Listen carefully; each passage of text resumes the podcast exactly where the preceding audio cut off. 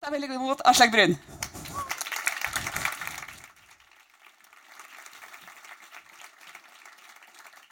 Takk skal dere ha. Jeg hadde ikke stått her hvis jeg ikke skulle innlede. Så jeg er imponert over dere som kommer så tidlig opp for å høre på klimaforhandlinger. Vi fikk jo en avtale, og vi fikk en uh, ambisiøs avtale. For første gang så fikk vi en avtale hvor alle land har forpliktelser. Ikke bare at noen land har forpliktelser, andre kan gjøre hvis de vil. Og som uh, Marte sa, så var det nok en avtale som var mer ambisiøs enn de fleste trodde var mulig. Og utgangspunktet har vi tenkt mye på. Utgangspunktet var jo at istedenfor å bygge avtalen nedenfra, ovenfra og ned, som vi forsøkte å gjøre i, i København, og si hvor mye må vi kutte, hvem skal kutte hva, hva blir fordelingen, så snudde man dette. Uh, dette var uh, nå to år siden. Så snudde man og sa at land får bestemme selv. Hvor mye skal du kutte? Det bestemmer du selv. På hvilken måte skal du kutte? Det bestemmer du selv. Og hvordan har du tenkt å gjennomføre det? Alt dette bestemmer du selv. Veldig nedenfra opp.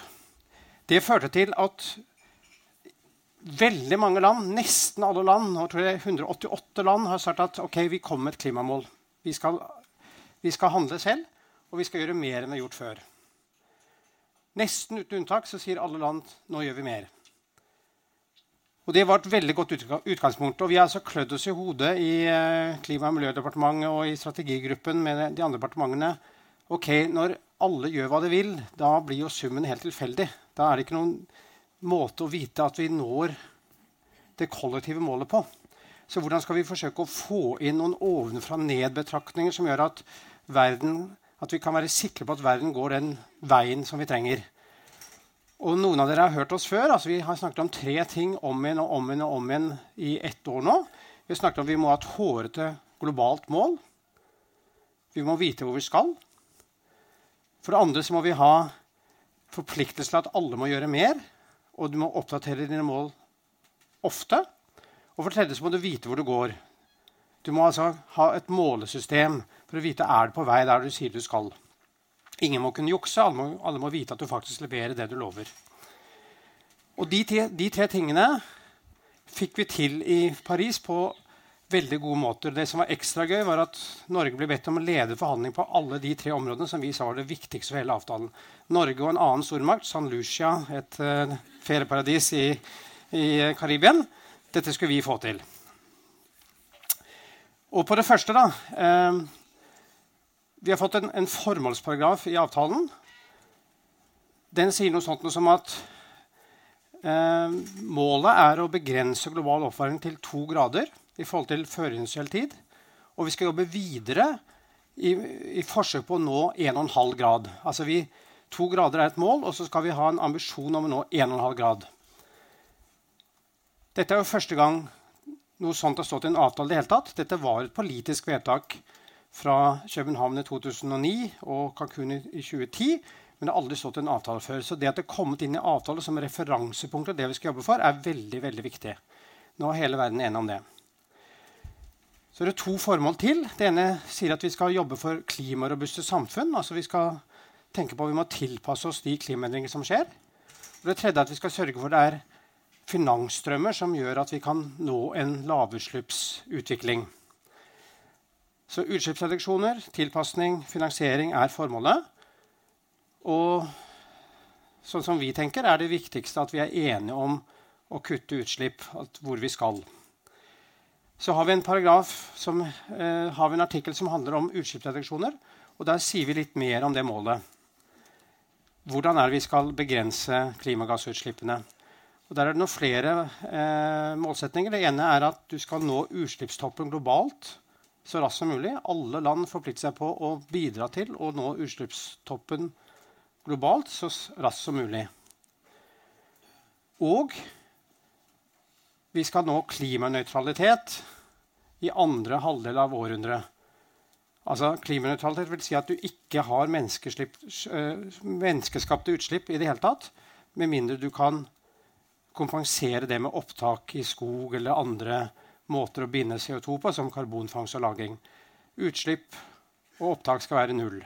Og det må det jo være hvis du skal stoppe oppvarmingen. Eh, Norge hadde foreslått at dette skulle skje i 2050. Det fikk vi ikke til, men vi fikk altså et begrepet inn i avtalen, og vi fikk det i andre halvdel av århundret. Hva så med Så det var de, de hårete målene. Hva så med forpliktelsen til å gjøre mer?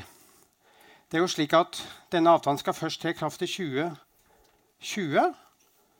Og mange parter, bl.a. Norge, har sagt at vi har et mål til 2030. Så det tar jo veldig lang tid da, før vi ser på målene våre igjen. Og før, før vi kan gjøre mer. Noen land har sagt at de skal jobbe fra 2020 til 2025. Men de aller fleste sier at i 2030 så skal vi se på målene igjen. Det vi da fikk igjennom i Paris, var en forpliktelse på at alle må se på målene sine hvert femte år. Det er en folkerettslig bindende del av, av avtalen. Og første gang vi skal se på målene, er allerede i 2020.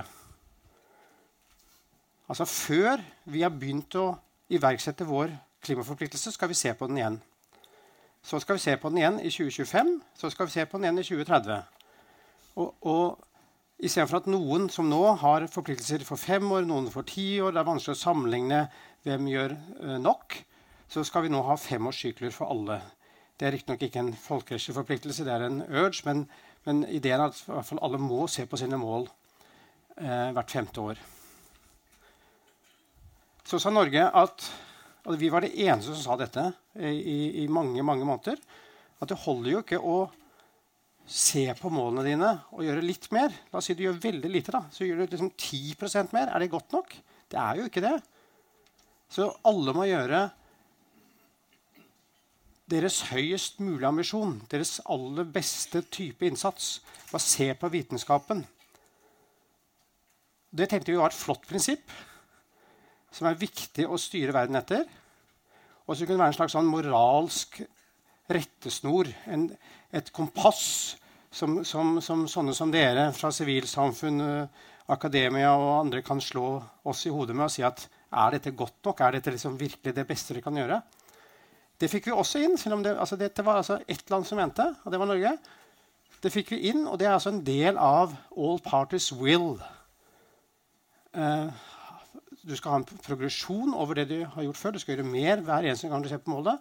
Og det skal være din høyest mulige ambisjon. Og nå er ikke jeg folkerettsjurist, uh, og det er vanskelig med disse her verbene, men, men et uh, will på, på, i amerikansk hus i hvert fall er folkerettslig bindende.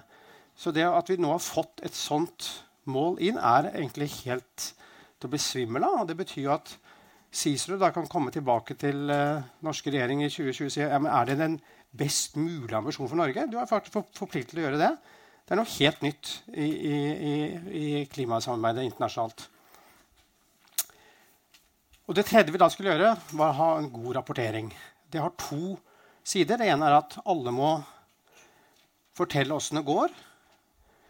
Eh, skal vi gjøre drastiske tiltak i ett land, så må du vite at naboen gjør det samme. Du må vite at dine nærmeste eh, handelspartnere gjør akkurat det du gjør. Altså de, de, lurer deg ikke. Det skjer ting der også. Da er det lettere å, å få til ambisiøs handling. Så vi har fått et uh, rapporteringsregime som er, er, OK, som er bra.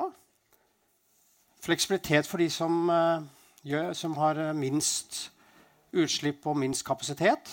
De slipper å rapportere så grundig, så dypt som, som, oss andre. Men alle skal vise hva de gjør. Og det viktigste her er at den, innsatsen skal oppsummeres. Så du skal ha en global gjennomgang, en global status, hvert femte år. Det skjer da ikke i 2020, men 2018, to år før alle skal se på, på eh, målene sine. Og, og, det er selvfølgelig helt bevisst. Først får du vite hvordan ligger du an i forhold til det langsiktige målet. Og så, du, så har da eh, myndigheter, tenketanker, eh, sivilsamfunn, politikere to år på, på å tenke ok, hvordan kan vi gjøre mer. Og så skal du legge inn et nytt mål. Og så, så i 2018 får du den første globale gjennomgangen. 2020 legger du nye mål. 2023 får du ny global gjennomgang. 2025 legger du nye mål osv. Så, videre. så får du altså en, tror vi, en, en, innebygd mekanisme hvor denne avtalen vil bli sterkere etter hvert. Fordi du får sånn innebygd press på å gjøre mer. Så vi er veldig fornøyd med den biten av avtalen. Så er det mye annet som, eh, som ligger der. Som, nå tror jeg noen blir stressa på tiden, så jeg skal kanskje si det veldig kort. Men altså, for de landene som sa vi kan ikke dra herfra uten at klimatilpasning er det viktigste for oss. Klimaendringer skjer her og nå. Eh, vi ser ikke disse 100 milliardene dere skulle mobilisere. Eh, kuttene skjer ikke fort, raskt nok, så vi, vi, må ha noen forsikring nå på at dere hjelper oss med de klimaendringene vi skal gjennom. Det kom opp nesten som en like viktig del. Jeg sa det var en del av formålet.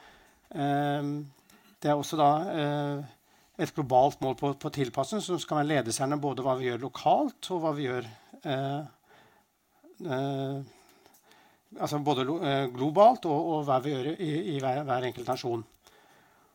Også har tap og skade for klimaendringer som du ikke klarer å tilpasse deg, kommet inn i en avtale for aller første gang. Det står ikke noe om kompensasjon der. Det er ikke noe automatisk rett til penger. Men det er en slags global solidaritetsmekanisme hvor du kan tenke på hvordan du kan få bistand til, eh, til drastiske klimaendringer, forsikringsordninger osv. Så, videre. så alt i alt er det en veldig god pakke, og en pakke hvor jeg tror alle følte at de fikk noe av det som var viktigst for seg. Og det var derfor det også var mulig å få en global enighet til slutt.